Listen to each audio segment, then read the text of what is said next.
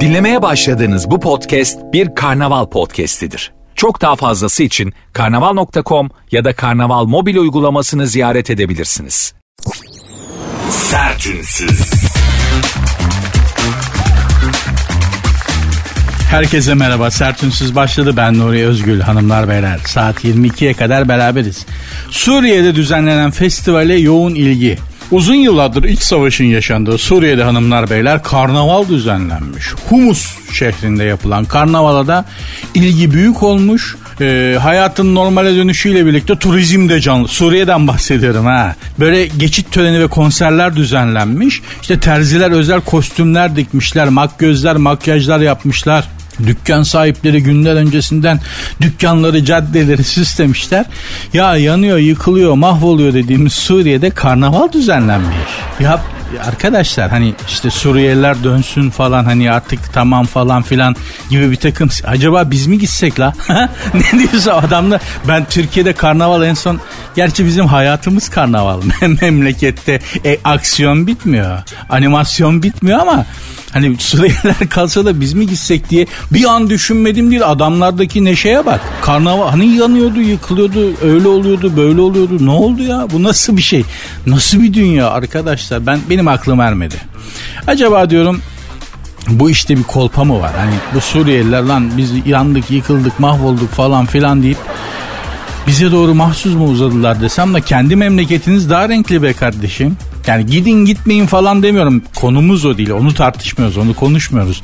Bu programın formatı da bununla alakalı değil ama adamların memleketinde karnaval düzenliyor. Siz hiç Türkiye'de karnavala falan denk geldiniz mi? Ben gelmedim. Acaba diyorum tekrar söyle biz mi baksak oralara ya? Ha? Neşeli bir yere benziyor bu Suriye.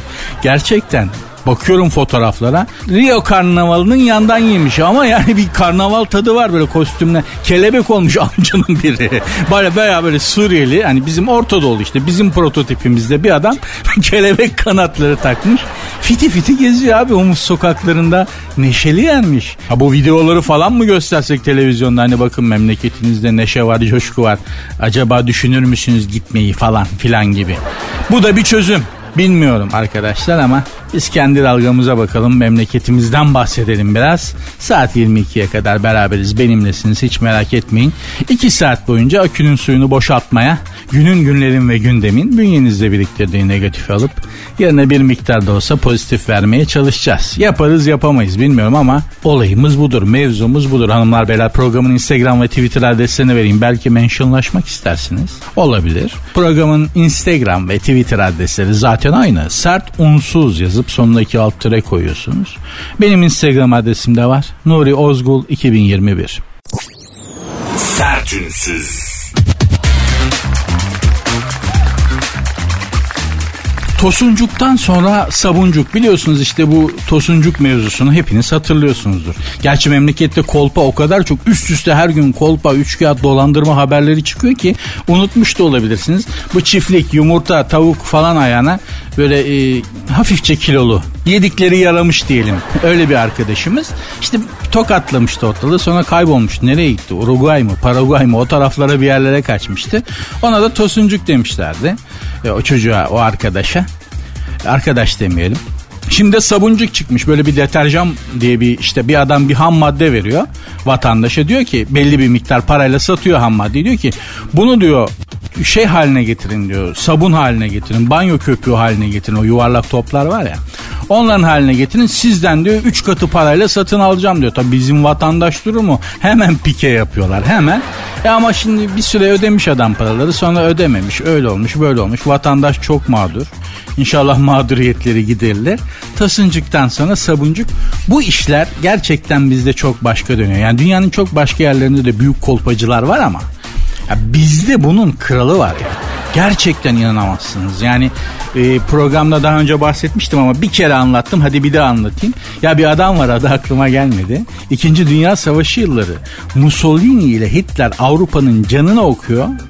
Ortalığı katıyorlar birbirlerine.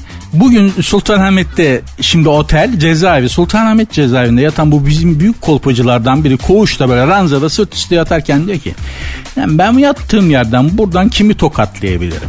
Buradakilerin hepsi çakal. Bunları tokatlayamam. Hani hapishanedekiler şunlar bunlar. E dışarı çıkamıyorum kimseye ulaşamam. Dur ben diyor bu Mussolini'yi niye tokatlamıyorum? Bak Mussolini dediğiniz adam Hitler'den daha manyaktır. Faşizmi icat eden adam. Faşizm denen şeyin mucidi Adolf Hitler değil. Benito Mussolini böyle bir manyak adam.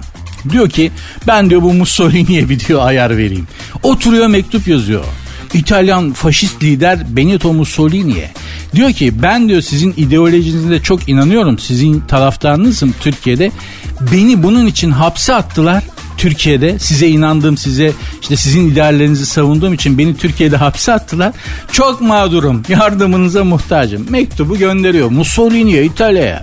Arkadaşlar bir ay sonra e, İstanbul'daki İtalyan askeri ateşesi başkonsolosu hapishaneye geliyor. Ellerinde bir bavul. Diyorlar ki hapishane müdürüne burada böyle biri yatıyor mu? Adam diyor ki yatıyor. E onu göreceğiz. Ya sizin ne işiniz var onunla? Biz onu göreceğiz. Siz bu adama zulmediyormuşsunuz. Evet. İşte bizim liderimiz Il Duce Mussolini hastaymış bu abi. Siz bunun için hapse atmışsınız. Evet. E, bir bavul para getirdik kendisine. Bir de Mussolini'nin selamı var. Oğlum. Hapishane müdürü diyor ki ya siz oğlum siz nerede yetiştiniz ya? ya siz ne yediniz de böyle oldunuz? Bu adam diyor aşağılık bir üç, do, üçkağıtçı dolandırıcı. Ne anlar Mussolini'den, Hitler'den, faşizmden, kapitalizmden. Kolpacının tekidir. Yok diyor Il Duce diyor. Çok da selam yolladı diyor. Ayrıca diyor bu adamı diyor serbest bırakmanızı talep ediyoruz diyor. Bizim diyor Mussolini liderimizi diyor takdir edin. Hapishane müdürü kanlılar gibi yalvarıyor. Yapmayın etmeyin bakın dolandırılıyorsunuz. Askeri ateş ediyor ki yok bu bir bavul parayı buna vermem lazım yoksa Duce beni öldürür. Tokatlıyor. yani diyeceğim Ayrıca böyle başka bir kolpa haberi de var. Ee, çok eski tarihlerden. Yenileri zaten biliyorsunuz. Adamlar e, yanlış hatırlamıyorsam Ok Meydanı'nda ya da Eyüp'te bir tünel kazıyor. Dört tane üç kağıtçı. Derince bir tünel. İnsanın içine girip yürüyebileceği kadar. Haç zamanı ve diyorlar ki bu, bu tüneli diyor keramet sahibi biri açtı. Evet bu tünelden girersen evet Mekke'den çıkıyorsun. Bu tünelin ucu Mekke'ye giriyor. Evet işte bilmem kaç akçeveleni sokuyoruz. Kuyruk oluyor kuyruk. kuyruk oluyor. Diyeceğim hanımlar beyler. Bayağı da para tokatlıyorlar. Sonra yakalanıyorlar falan filan ama diyeceğim hanımlar beyler. Saf bir yanımız mı var? Aldanmayı mı seviyoruz? Yani insanın en söylediği en büyük yalan kendine söylediği yalanlardır ama o yalanları bastırmak için acaba başkalarının söylediği yalanları mı hani yalan olduğunu bilsek bile inanıyoruz onlara bilmiyorum ama bizde Kolpa United'ın sonu gelmez. Bunu bilir bunu söylerim. Daha neler göreceğiz bakın görün. Daha neler göreceğiz. Sertünsüz. Ontario Başbakanı Ford konuşurken ağzına giren arıyı çiğ. Çeşit bitmiyor. Yani memlekette bitmiyor, dünyada da bitmiyor. Bu Ontario dediği herhalde Kanada. Ontario Başbakanı Ford konuşurken ağzına giren arıyı çiğnemiş. Konuştuğu esnada ağzına arı giren Kanadalı siyasetçinin yaşadığı zor anlar kameralara yansımış. Gerçekten de videoyu izledim. Baba böyle e, ağzı da büyük bir abimiz. Ebelep gübelep cart curt derken arı geliyor ağzının kenarını tak alıyor baba arıyı. Zık diye böyle bu kalemun gibi. Zık diye çekiyor arıyı. Çiğniyor baya. Çaktıramıyor da şimdi. Hani siyasetçi adam orada bir karizma var. A- abi ağır da bir abi. Belli yani. Karizmam çizilmesin diye arıyı lap alıyor. Konuşurken çiğniyor çiğniyor. Baba ondan sonra bir de yutuyor. Ben şunu anlamıyorum. Yani o arı, o arı dilini sokarsa sen ölürsün. Yani dilinizi arı sokarsa Allah korusun ölüm tehlikesi çok fazla. Çünkü dil ağzınızda şişiyor ve nefes burnunuzu tıkıyor ve nefes alamıyorsunuz. Dolayısıyla da onun müdahalesi çok zor. Ben de bir kere direkten dönmüştüm. E, dudağımı sokmuştu. Yani dilimi soksa gittim. Arı çiğnemek ne demek? Ya buna demek insan versek insan yiyecek. Vallahi bu adamın karşısında muhalefet partisi olsam tırsarım. Muhaliflerin de yer bu. Çok özür dilerim. Yani dün gene beni eşek arısı soktu ayağımın altından. Çalışıyordum çalışma masamda gece evde. Ya koltuğun altına konmuş yere sen ne arıyorsun orada be evladım? Ne işin var ayağımın altında? Ben de böyle ayağım ah önce bir yanma hissettim falan. Baktım eşek arısı. Bildiğimiz kocaman eşek arısı. Cız diye soktu sol ayağımın altına. Şimdi eşek arısı soktuğu vakit ne olur? O ayağın davul gibi şişmesi gerekir değil mi? Eşek arısı bu sonuçta yani. Biraz sızladı, biraz acıdı geçti abi. Yani kalite erozyonu arılara bile yansımış. Arılar bile adam gibi sokmuyor artık. Onlar bile işi savsaklıyor. Nerede eski, eski eşek arıları be? Soktuğu vakit var ya bir hafta acıdan uğunurdun yani. Beni de epey arı sokmuştur. Ee, arı, akrep yani bunlar Allah eksikliğini göstermesin. Bunlardan darbeyi yemişliğim vardır yani. Bu hayvanların enteresandır. Tarihi değiştiren hayvanlar var. Mesela kediler var. 70 tane kedi var mesela Napolyon'un mağlup olmasına sebep olan bu e, bunun İngilizlerle Nelson var Amiral Nelson Amiral Nelson İngilizlerin Barbaros Hayrettin Paşası öyle düşünün yani hani onun çapında olamaz ama Amiral Nelson da işte İngilizlerin Barbaros'u gibi düşünün öyle bir adam. Bu adam Napolyon'la savaşıyor. Savaşa tutuşuyorlar. Öyle böyle Napolyon tabii büyük savaşçı falan filan. Atatürk bile takdir etmiş. Değil mi? Yunan general esir edilip e, karargaha getirildiği zaman Ege'de büyük milli mücadelede büyük taarruzdan sonra e, Yunan komutanlar karşısında tabi adamlar eti dökülmüş lahmacuna dönmüşler bizim tokatı yiyince. Karşılarında Mustafa Kemal Atatürk gibi büyük bir lider var. Büyük bir asker var. Adamlar böyle duruyorlar. Onları teselli etmek için bile Atatürk ne diyor? Üzülmeyin general Napolyon bile mağlup oldu diyor. Yani Atatürk bile onun askerliğini takdir etmiş. İşte böyle bir Napolyon. Bu Nelson da diyor ki lan ben bu adamı nasıl yenerim?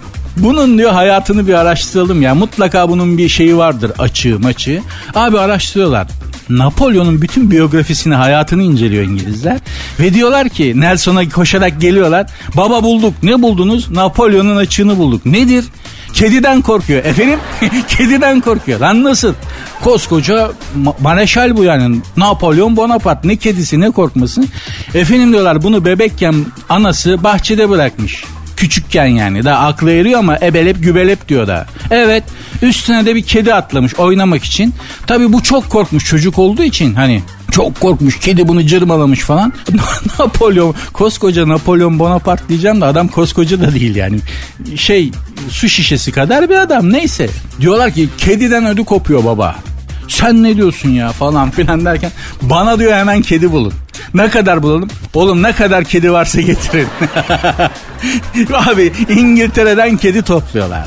70 tane İngiltere'de kedi ne arar? İnsan bağlasan durmaz aslında normalde de. O güneş yok bir şey yok yani. Neyse 70 tane kedi buluyorlar. Salıyorlar Napolyon'un şeyi. Ön cepheye. Napolyon'un karargahına doğru. Napolyon kedileri görünce rengi atıyor abi. Eti dökülmüş lahmacuna dönüyor. Eli ayağı boşanıyor. Yanındaki komutana diyor ki komutayı sen devral.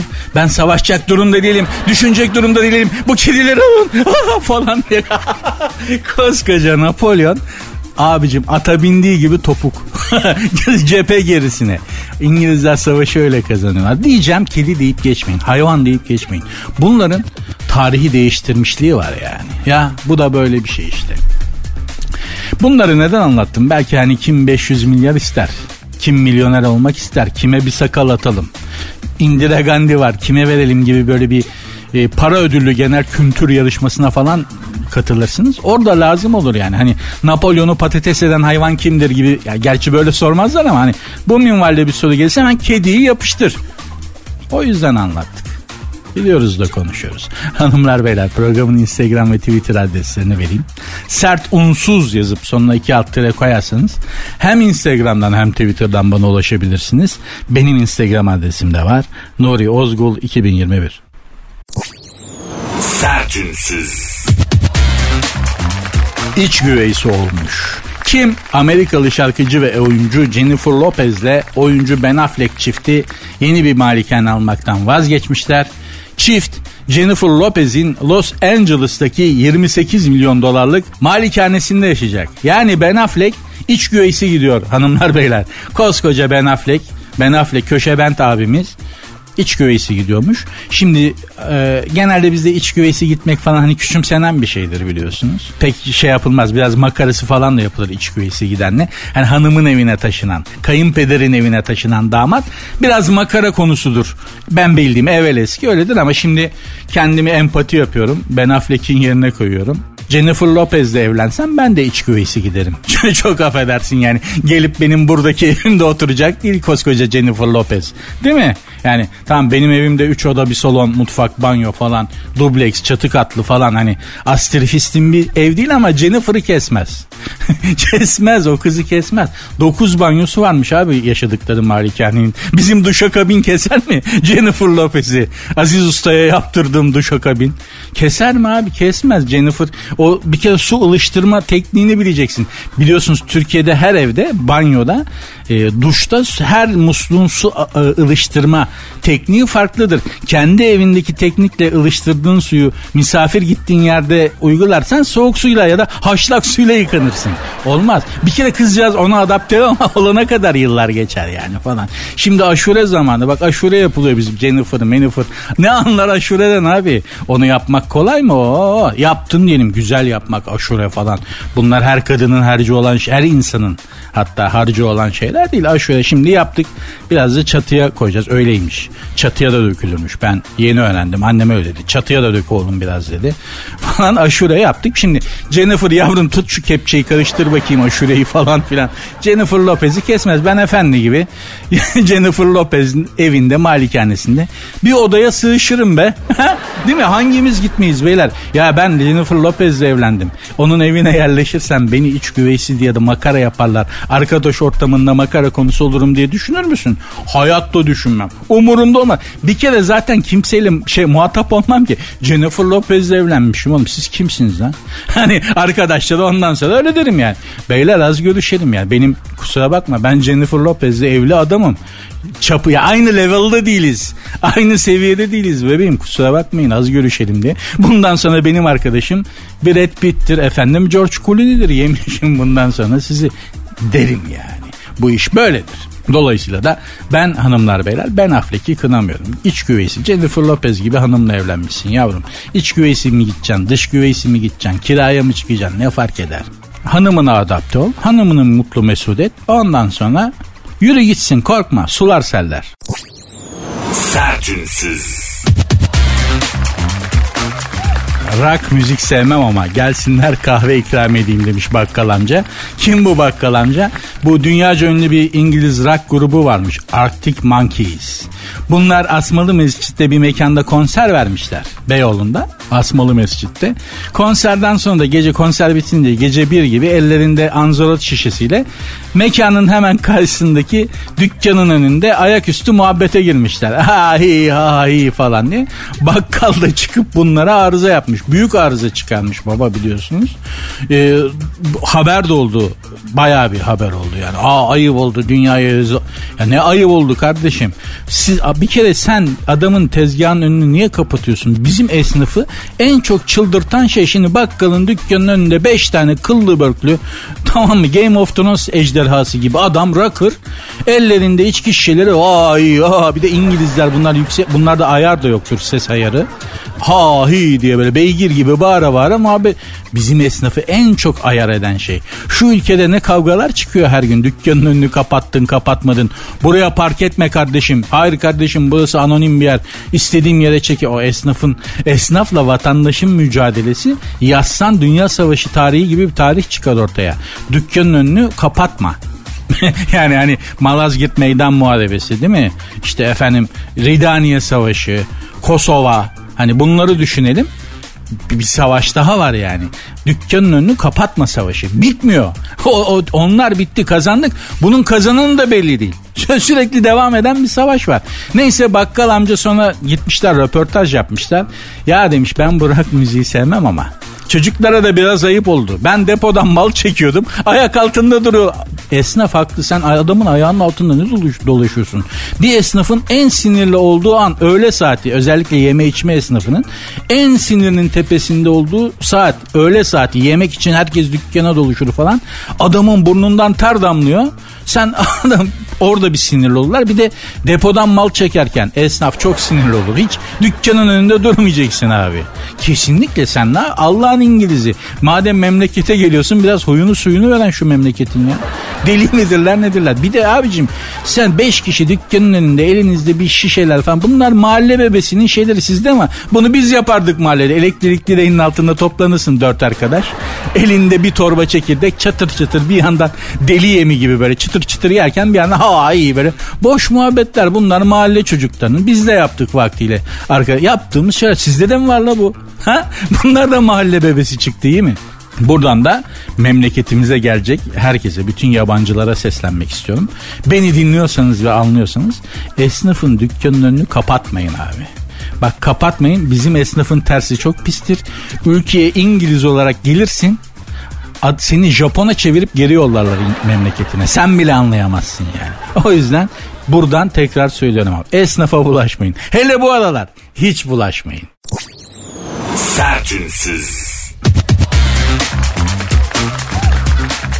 Eski alemci, yeni guru. Kimmiş bu? İngiliz eski top model Kate Moss'muş efendim. Çılgın gece hayatıyla tanınmış kendisi. Ancak bir süre sonra ayman nereye kadar bu gece alemleri, ortamlar, onunla bununla muhabbet. Gece çıkıyorsun tanımadığın bir sabah kim lan bu bu adam benim evimde ne arıyor diye uyanıyorsun falan filan gibi. Böyle bir hayattan bıkınca yaşam tarzını değiştirmeye karar vermiş. İyi Yaşam markası diye bir marka kurmuş ve guru olmuş.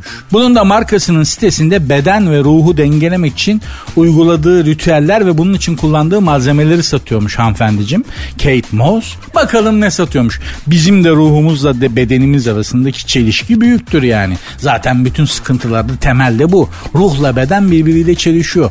Aynı ahenkle aynı senkronizasyonla yaşamadığı için sıkıntı basıyor abi. Budur mesele yani. Bakalım belki bir işe yarıyorsa ruhumuzu bedenimizi dengeleyecekse parası neyse verip alalım abi. Bakalım ne satıyormuş. Öyle değil mi ama? Kate Moss ne satıyormuş? Yüz yağı. Yani yüze yüzü toparlamak için sürülecek yağ 98 2100 lira. Bende o surat yok. bir de hani 2100 lira yüz yağına verirsen benim yüzüm düşer zaten. O suratı yağla mağla asfaltla bile toparlayamazsın. Mümkün değil. Yüz losyonu 1500 liraymış. Ya bayağı alıyorsun böyle yüzüne sürmek için 1500 ben bir de aynada bakıyorum bu surata değmez be abi. hani yani bir kere ne sürersem süreyim bu suratı artık toparlamaz da öyle bir film vardı. Bir o filmde bir sahne vardı çok güzel böyle orta yaşlı ben yaşlarda bir adam ee, şey yapıyorlar elbise dikiyorlar böyle terzi çok jilet gibi bir elbise dikiyor nasıl diyor yeni elbisenizi beğendiniz mi Elbise iyi ama içindeki adam eski diyor baba. Çok güzel bir cümleydi gerçi. Ya ne dikersen dik dışıma kardeşim içim çökmüş diyor. İçim köhnemiş diyor ya sen bana dışarıdan ne dik giydirirsen giy. Güzel bir sahneydi filmi hatırlayamadım. Neyse efendim bakalım ruh ve beden dengelemek için başka ne satıyormuş Kate Moss ablamız? Dinginlik dinginlik çayı. Biz Rize çayından başka çay görmediğimiz için bir kısmı da 80'lerde radyasyonluydu bize de denk gelmiştir Allah korusun herkesi. Hatta öyle bir bakan vardı ya. Çayda radyasyon diye yok diye çıkıp bakın çayda radyasyon yok ben içiyorum diye böyle öldü gitti o adam sonra. Kaç kişinin vebali var boynunda adamın ya. Neyse acı bir konu. Dinginlik çayı satıyormuş hanımefendiciğim. 457 lira poşeti. Sallama çay ha. Demleme de değil yani. İçiyorsun dinginleşiyorsun. Şimdi ben bir poşetinde 450 lira o çaya verirsem 457 lira ruhumla bedenim arasındaki denge daha çok bozuldu. Ruhum bedenimi suçlar. Sen keriz misin bu kadar parayı bir bardak çaya verdin? Manyak mısın? Bedenim der ki lan sen istiyorsun bana kalsa ben bir simitle doyarım. Yok öyleyim yok bunalıma girdim yok tribe girdim diye. Ruhumla bedenim birbirine girer kimse de ayıramaz. Arkadaşlar bunlar modern çağ new age esnaflık diyoruz bunlara tamam mı? Instagram'da falan da çok görüyorum reklamlarını.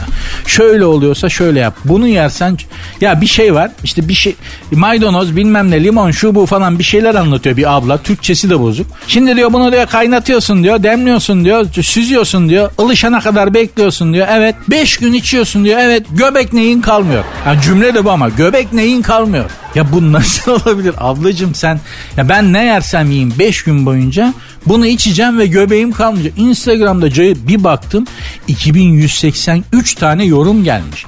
E, tam olarak anlayamadım. E, limonu demledikten mı sıkıyor? Ha, bir de ciddi alıp millet ya arkadaşlar ya arkadaşlar ya bu göbeği eritmenin bir yolu var işte. Bu çeneni tutacaksın.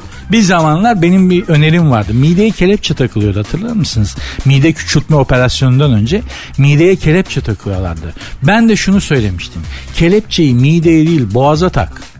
Boğaza takın çünkü problem orada. Buradan aşağı gitmesin. Mideye gittikten sonra her şey için çok geç. Çok geç bebeğim. O yüzden kelepçeyi boğaza da. Şimdi mide küçültme operasyonu yapan arkadaşlar var. Ee, önemli bir kısmında çok büyük faydasını gördü. Yani bakıyorum bayağı zayıflıyorlar falan ama boğazdan geçeni tutmazsan abicim mide ne yapsın? Bir Rus doktor bana öyle demişti. Siz Türkler zannediyorsunuz ki e, hazım yani eritme midede başlıyor. Hayır eritme, hazım dediğimiz şey ağızda başlar. Yutmadan önce hazmetmiş olman lazım demişti adam. Ve bir lokmayı e, sıvı hale gelene kadar ne yersen ye ama onu ağzında sıvı hale gelene kadar çiğne öyle ye hiçbir problemin kalmayacak demişti baba hazım konusunda kilo konusunda. İki kere denedim e, baktım yani yemek iki buçuk saat sürecek. Ya bitmeyecek. Ben kalkmasam e, şey lokantacı atacak beni. Çiğne çiğne çiğne çiğne çiğne. Bitmiyor aga. Bitmiyor dedim boş ver ben bu göbekle idare ederim bir yere kadar. O işten de öyle vazgeçmiştim. Sertünsüz.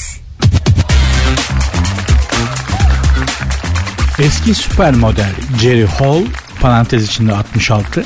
Ya 66 yaşında ve eski süper modelmiş ama 66 yaşındaki fotoğrafına bakıyorum hala süper model olabilir. Eğer bu fotoğraf doğruysa gerçekten maşallah yani 35 gösteriyor abla. Ee, bir milyarderle evlendi meşhur Rupert Murdoch. Çok zengin bir adam yani. Hani hani parayı kürekle falan atıyor eve. hani tahsilat geliyor ya dükkana. Baba tahsilat yapıyor mal satmış. Kürekle falan atıyorlar dolarları hani kasaya falan. Öyle öyle zengin bir abimiz. Evlenmişler bunlar vaktiyle 2016 yılında. Sonra boşanmaya karar vermişler. Rupert, Rupert ama Rupert Murdoch kadına tazminat olarak 50 milyon dolar ve yılda milyonlarca dolar da nafaka karşılığında boşanmış. Yani Murdoch kadınla boşanırken 50 milyon doları bir kere cash on the table masaya koymuş. Bebeğim demiş bu mahkeme kararıyla. Bu demiş senin tazminatın. Al bunu. Bir de demiş ben sana her ay işte en az 1 milyon dolar nafaka vereceğim. Boşanma bu. Ben buna boşanma dedim abi. Ötekiler ne oldu işte boşandı da benim param yetmedi de dolar arttı da falan e, bu nafaka yeniden düzenlensin de bunlar zengin değil ki abi işte bizim zenginlerin boşanma haberlerini duyuyoruz. Nafakayı yatırmadı diye mahkemeye veriyor işte dolar arttı diye nafaka yeniden biz bunları zengin zannediyoruz. Zengin bu abi 50 milyon doları tak diye masaya koymuş. Bir de her ay en az 1 milyon dolar maaş veriyor kadına. Ne sebep? Yeter ki benden boşan. Ben de bunu anlamıyorum. İşte bu Bill Gates de boşandı biliyorsunuz. 70 milyar dolar onlar şeyi de bölüştüler. Serveti yarı yarıya böldüler. Alman hesabı yaptılar. Yenge Bill Gates'i boşadı 70 milyar doları 70 milyar doları aldı yürüdü gitti. Ben şunu merak ediyorum ya bu kadınlar bu adamları nasıl bezdirmişler ki adam yeter ki benden boşan diye 50 milyon dolar veriyor ya. Yani değil mi abi şimdi bunlar esnaf adam bunlar bir kuruşa yüz düğüm atan adamlar. Bunlar büyük tüccar. Senin benim gibi bir bardak çayı 20 lira 30 lira vermiyorlar ki yeri geldiği zaman. Bill Gates'e Sultanahmet'e götür. Şimdi Sultanahmet'te bir bardak çay, küçük bardak çay 30 lira. 30 lira. Bir şişe küçük şişe su 45 lira. Bill Gates der ki yüreğin gidin lan siz keriz miyim ben falan der. Biz ödüyoruz. Ama Bill Gates öyle bir adam. Öyle olduğu için zengin olmuş o serveti yapmış. Neyse işte bu adam Düşünün nasıl bu kadınlar ne yaptılarsa bu adam ya yeter ki benden boşan yürü git Allah aşkına al şu 70 milyar doları diyor ya. Vallahi billahi. Buradan da nafaka avcısı bazı hanımlar var. Bütün hanımları tabii ki itham etmiyoruz ama maalesef böyle kadınlar da var nafaka avcısı. Evlenip hemen boşanıyor nafakayı bağlatıyor rahat ediyor. Maalesef böyle hanımlar var. Türkiye'de de var, dünyada da var. Onlara tavsiyem bu kadınlardan ders almaları. Boşanma nafaka avcılığı budur abi şey. Sizin yaptığı 3-5 onu da adam yatırıyor yatırmıyor. Helal olsun. Bu kadınlar asıl esnaf bunlarmış. Çok tebrik ederim. 50 milyon dolar alıyor ya. Boşanırken. Biz de emekli olacağız Eylül'de. Acaba ikramiye olacak mı olmayacak mı? EYT işi ulan gene hani oluyoruz ama EYT'de bir numara daha çekip bir 5 sene daha bize takarlar mı diye. Biz de böyle düşünüyoruz ya. Bunun erkek versiyonu var mı acaba? Hani zengin kadın Aman yeter ki başımdan gittiği adama 100 milyon dolar veriyor mesela. Gerçi ben onu da yapamam. Gururum el vermez. Ah, ah yanlış zamanda doğduk. Sertünsüz. 15 liraya lahmacun olur mu? diye bir soru işareti var. E, 15 lirayla 40 lira Sultanahmet'te falan 40 liraya kadar çıkıyormuş lahmacunun tekinin fiyatı.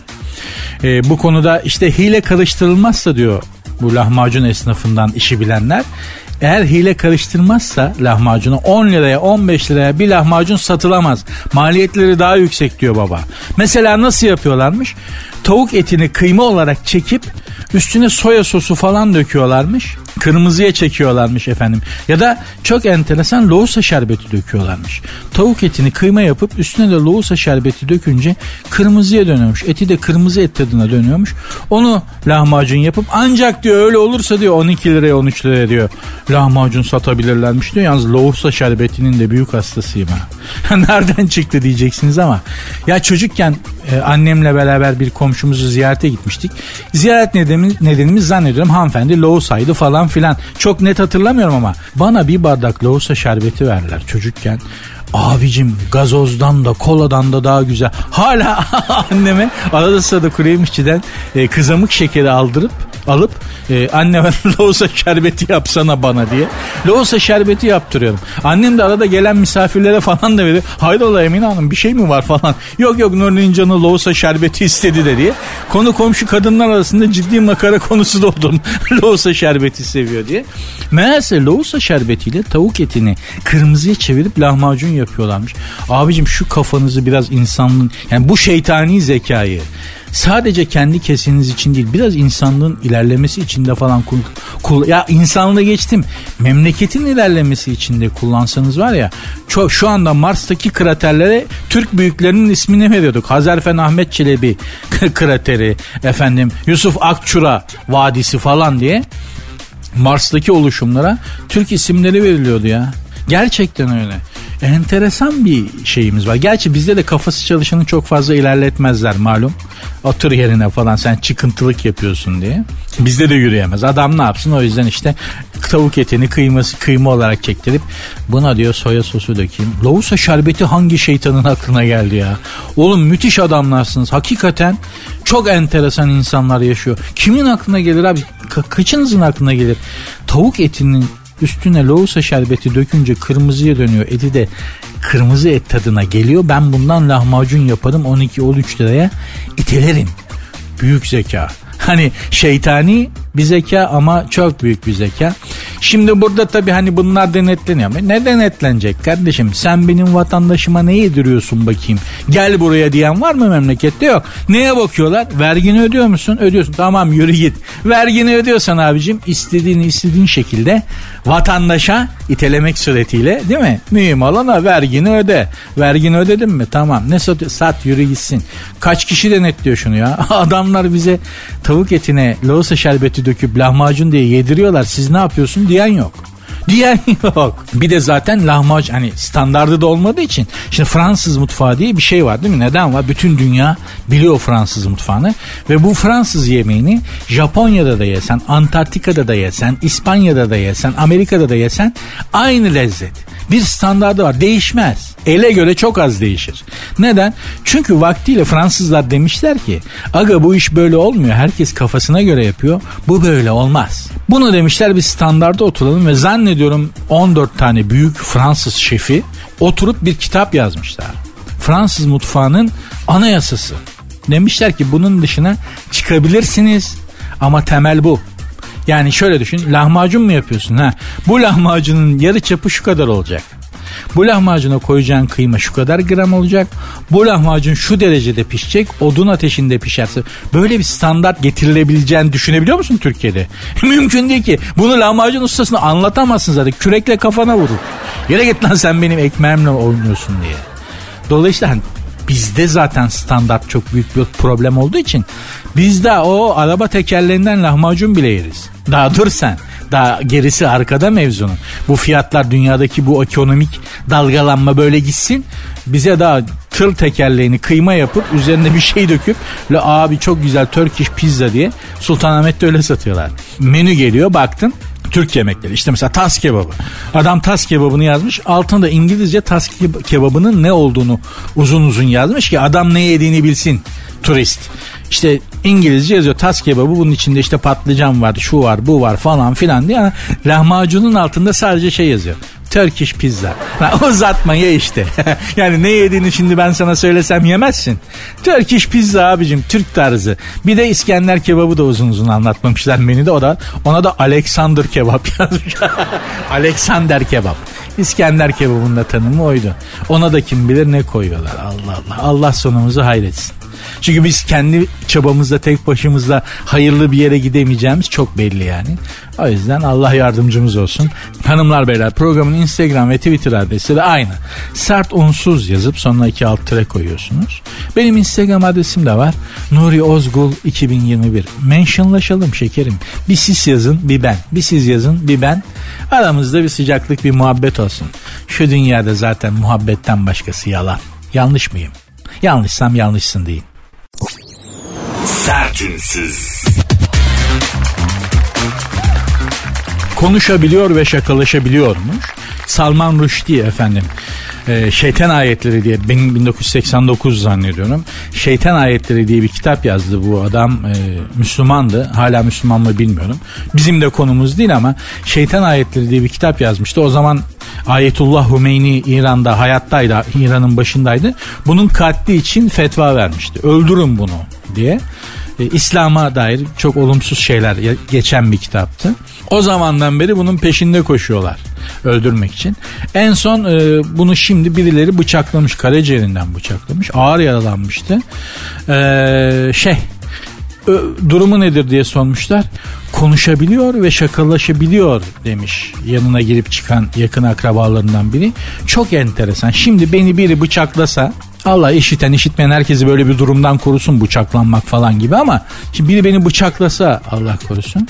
Ben kim be, hani şaka maka yapmam ben gözümü açtım kendime geldim. Kim o bana onun adını verin. Adresini bulun bana. Kim bıçakladı lan beni yakalandı mı? Bana onu verin diye ben sürekli yataktan kalkana iyileşene kadar adamı sorarım. Ne şaka yapacağım ya? Salman Rushdie'ye bak şakalaşıyormuş ebelep gübelep. Sinire keserim. Büyük inti, büyük kin tutarım. İntikam intikam diye ağlarım yatakta ya. Her gelene sorarım ya. Annem anne beni bıçaklayan kim belli oldu mu? Kardeşim geliyor. Oğlum tespit et ettiniz mi adresini? Kimmiş? Serbest mi? Tutukladılar mı? Bana onu verin. Bana onu verin diye. Ben paso bunu söylerim. Hangimiz yani şimdi benim böyle bir arkadaşım vardı. Çocukcağızı bıçakladılar. Almanya'da yaşıyordu. Ee, Alman dazlaklar, neonaziler çocuğu bıçakladılar bacağından. Çok tehlikeli bir yerden, atar damardan bıçakladılar. Ziyaretine gittim. Baba tek ortalığı matematik defterine intikam planları yazmış. Gerçekten şurada yakalarsam şöyle yapacağım. Burada yakalarsam böyle yapacağım. Şurada yakalarsam önce şöyle yapıp sonra şöyle yapacağım. Ne yapıyorsun dedim ya. Kinimi diri tutuyorum Nuri. Yoksa affedebilirim. Affetmek istemiyorum. Bizde böyle. Ben de öyle yaparım şahsen. Tamam ben hani bir deftere ne yapacağımı tek tek böyle her gün için ayrı plan yapmam ama o adamın adresini bana bulun o adamın e, şeyini bana bulun diye herkese söylerim yani. Bu da bir gerçek. Gerçi Salman Rushdie'nin de yaşı 75. Bunun da enerjisi kin tutmaya yetmez. Değil mi? Dolayısıyla hani o yüzden salmış olabilir. Aman bir bu kadar daha mı yaşayacağım? İtle kopukla ne uğraşacağım şimdi falan filan diye. Gerçi zaten hani adamı da öttürürler. Bizdeki gibi hani adam bıçaklayan birini hemen mahkemede salı vermezler adli kontrol şartıyla. O kontrol de nasıl bir kontrolse bilmiyorum. Ama İngiltere'de falan öttürürler yani birini bıçakladığın zaman. Hani sağlam öttürürler adamı içeride. Döverler işkence yaparlar diye değil. Öyle şartlar altında tutarlar ki ekmek kesmek için eline bıçak almaya tövbe edersin. Bizdeki gibi değil sistem. Orada biraz daha sistem vatandaşa yönelik, vatandaşın faydasına çalışıyor. Adli sistemden bahsediyorum. Sertünsüz. Hanımlar beyler sertünsüz devam ediyor diyebilmeyi o kadar isterdim ki. Ama bugünlük harç bitti yapı paydos. Tam giderken aklıma E.M. Forster'ın manzaralı bir oda manzaralı bir oda. Bu kitaptan size daha önce de bahsetmiştim. Son zamanlarda tekrar okudum da kitabı. Orada bir e, cümle yakalamıştım. Ondan size bahsedeyim. Bunu anlatayım radyoda diye de not etmiştim. Aklıma o geldi. O cümleyi o cümleden yola çıkarak size bir şeyler söyleyeyim de öyle veda edeyim. Hani makara kukara yaptık. Astrefistin şeylerden bahsettik. Kapanışta bari dedim ya eli yüzü düzgün iki laf edelim. Edebiyat medebiyat falan. Neyse Ian Forster kitapta bir yerde sevgililer ayrılıyordur ve adam kadına çok çektirmiştir. Kadın da çok ızdırabını çekmiştir adamın. Mahvetmiş kızı yani. Gerçekten kitapta da okuyorsunuz. Kızcağızın canını okuyor. Kızcağız da şöyle bir cümle kuruyor hatta bir yerde. Ben ne yaptıysam senin, senin yanına yakışmak için yaptım diye bir cümle koyuyor. Çok acı bir cümle. Pek çok kadının da en önemli e, ızdıraplarından biridir bu. Maalesef böyle yapar yani kadında da erkekte de vardır bu kendinden daha yukarıda görürsün sevdiğin insanı ve onun yanına yakışabilmek, onun yanında hak, olmayı hak edebilmek için hiç gereği yokken garip bir çaba içine girersin. O çaba da seni tüketir ama bahsetmek istediğim cümle kadının söylediği bu cümle değil. Adamın kadına söylediği cümle.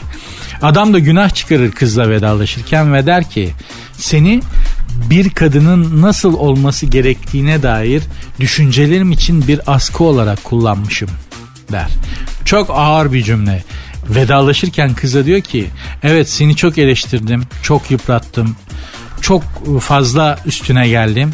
Şimdi fark ediyorum ki seni bir kadının nasıl olması gerektiğine dair düşüncelerim için bir askı, bir elbise modeli gibi kullanmışım. Özür dilerim diyor ama her şey için çok geç. Kızın hayatını çoktan kaydırmış oluyor falan filan diyeceğim hanımlar beyler. Bu illa aşk ilişkisi içinde arkadaşlık ilişkisinde de böyle olabilir. İş ilişkisi içerisinde de bu böyle olabilir. İdealize ettiğiniz gözünüzde idealize ettiğimiz insanı karşımızdakini model olarak kullanıp onu o şekle sokmaya çalıştıkça ilişkiler daha da içinden çıkılmaz hale geliyor bence. Bir insanı olduğu gibi kabul edebilmek çok zor. Ama galiba insan ilişkilerinde mutlu olabilmenin de tek yolu zaten bir insanı sevmek onun kötü yanlarına tahammül edebilmek demektir. Şimdi beni herkes sever. Ben normalde sinirli olmadığım zaman, tersimden uyanmadıysam, sinirlenmediysem, moralim yerindeyse şeker gibi adamım abi. Beni herkes sever. Siz de öylesinizdir yani. Değil mi? İyi olduğunuz zaman, neşelisiniz, havanız yerindeyse sizi sevmeyecek insan var mı? Yok. Ama şeytanlarım tepeme çıktığı zaman bana tahammül etmek çok zor. Bana öyle o zamanlarda tahammül edebilen insan zaten beni seviyor demektir. Bu hepimiz için de geçerli. Çok bilmişlik yapmayı istemem ama Yo ist aslında istiyorum. Bu lafı da bu kadar lafı da o yüzden ettim zaten. Bir insanı olduğu gibi kabul edebilmek gerçekten çok önemli. Büyük yazarlar ve büyük eserler böyle Ian Forster'ın manzaralı bir oda gibi büyük edebiyat eserleri gerçekten insanı zenginleştiren başka cümlelerle bildiğiniz şeyleri size çok başka cümlelerle anlatıp vay be dedirten eserler. Bu da öyle eserlerden biri. Es geçmeyeyim size aktarayım diye kenara not etmiştim. Oh aktardım rahat ettim. Ben gidiyorum hanımlar beyler. İnşallah güzel bir iki saat olmuştur sizin için. Görüşmek üzere. Programın Instagram ve Twitter adresini de hatırlatayım da belki yazmak bir şeyler söylemek istersiniz. İlla övmenize iyi şeyler yazmanıza gerek yok. Kızdıysanız ters geldiyse beğenmediyse ya sen ne yapıyorsun babacığım? Ne anlatıyorsun arkadaşım sen de diyebilirsiniz. Eyvallah başımızın üstünde yeri var. Programın Instagram ve Twitter adresleri zaten aynı. Sert unsuz yazıp sonuna iki alt tire koyuyorsunuz. Benim Instagram adresim de var. Nuri Ozgul 2021. Görüşmek üzere. Dinlemiş olduğunuz bu podcast bir karnaval podcastidir. Çok daha fazlası için karnaval.com ya da karnaval mobil uygulamasını ziyaret edebilirsiniz.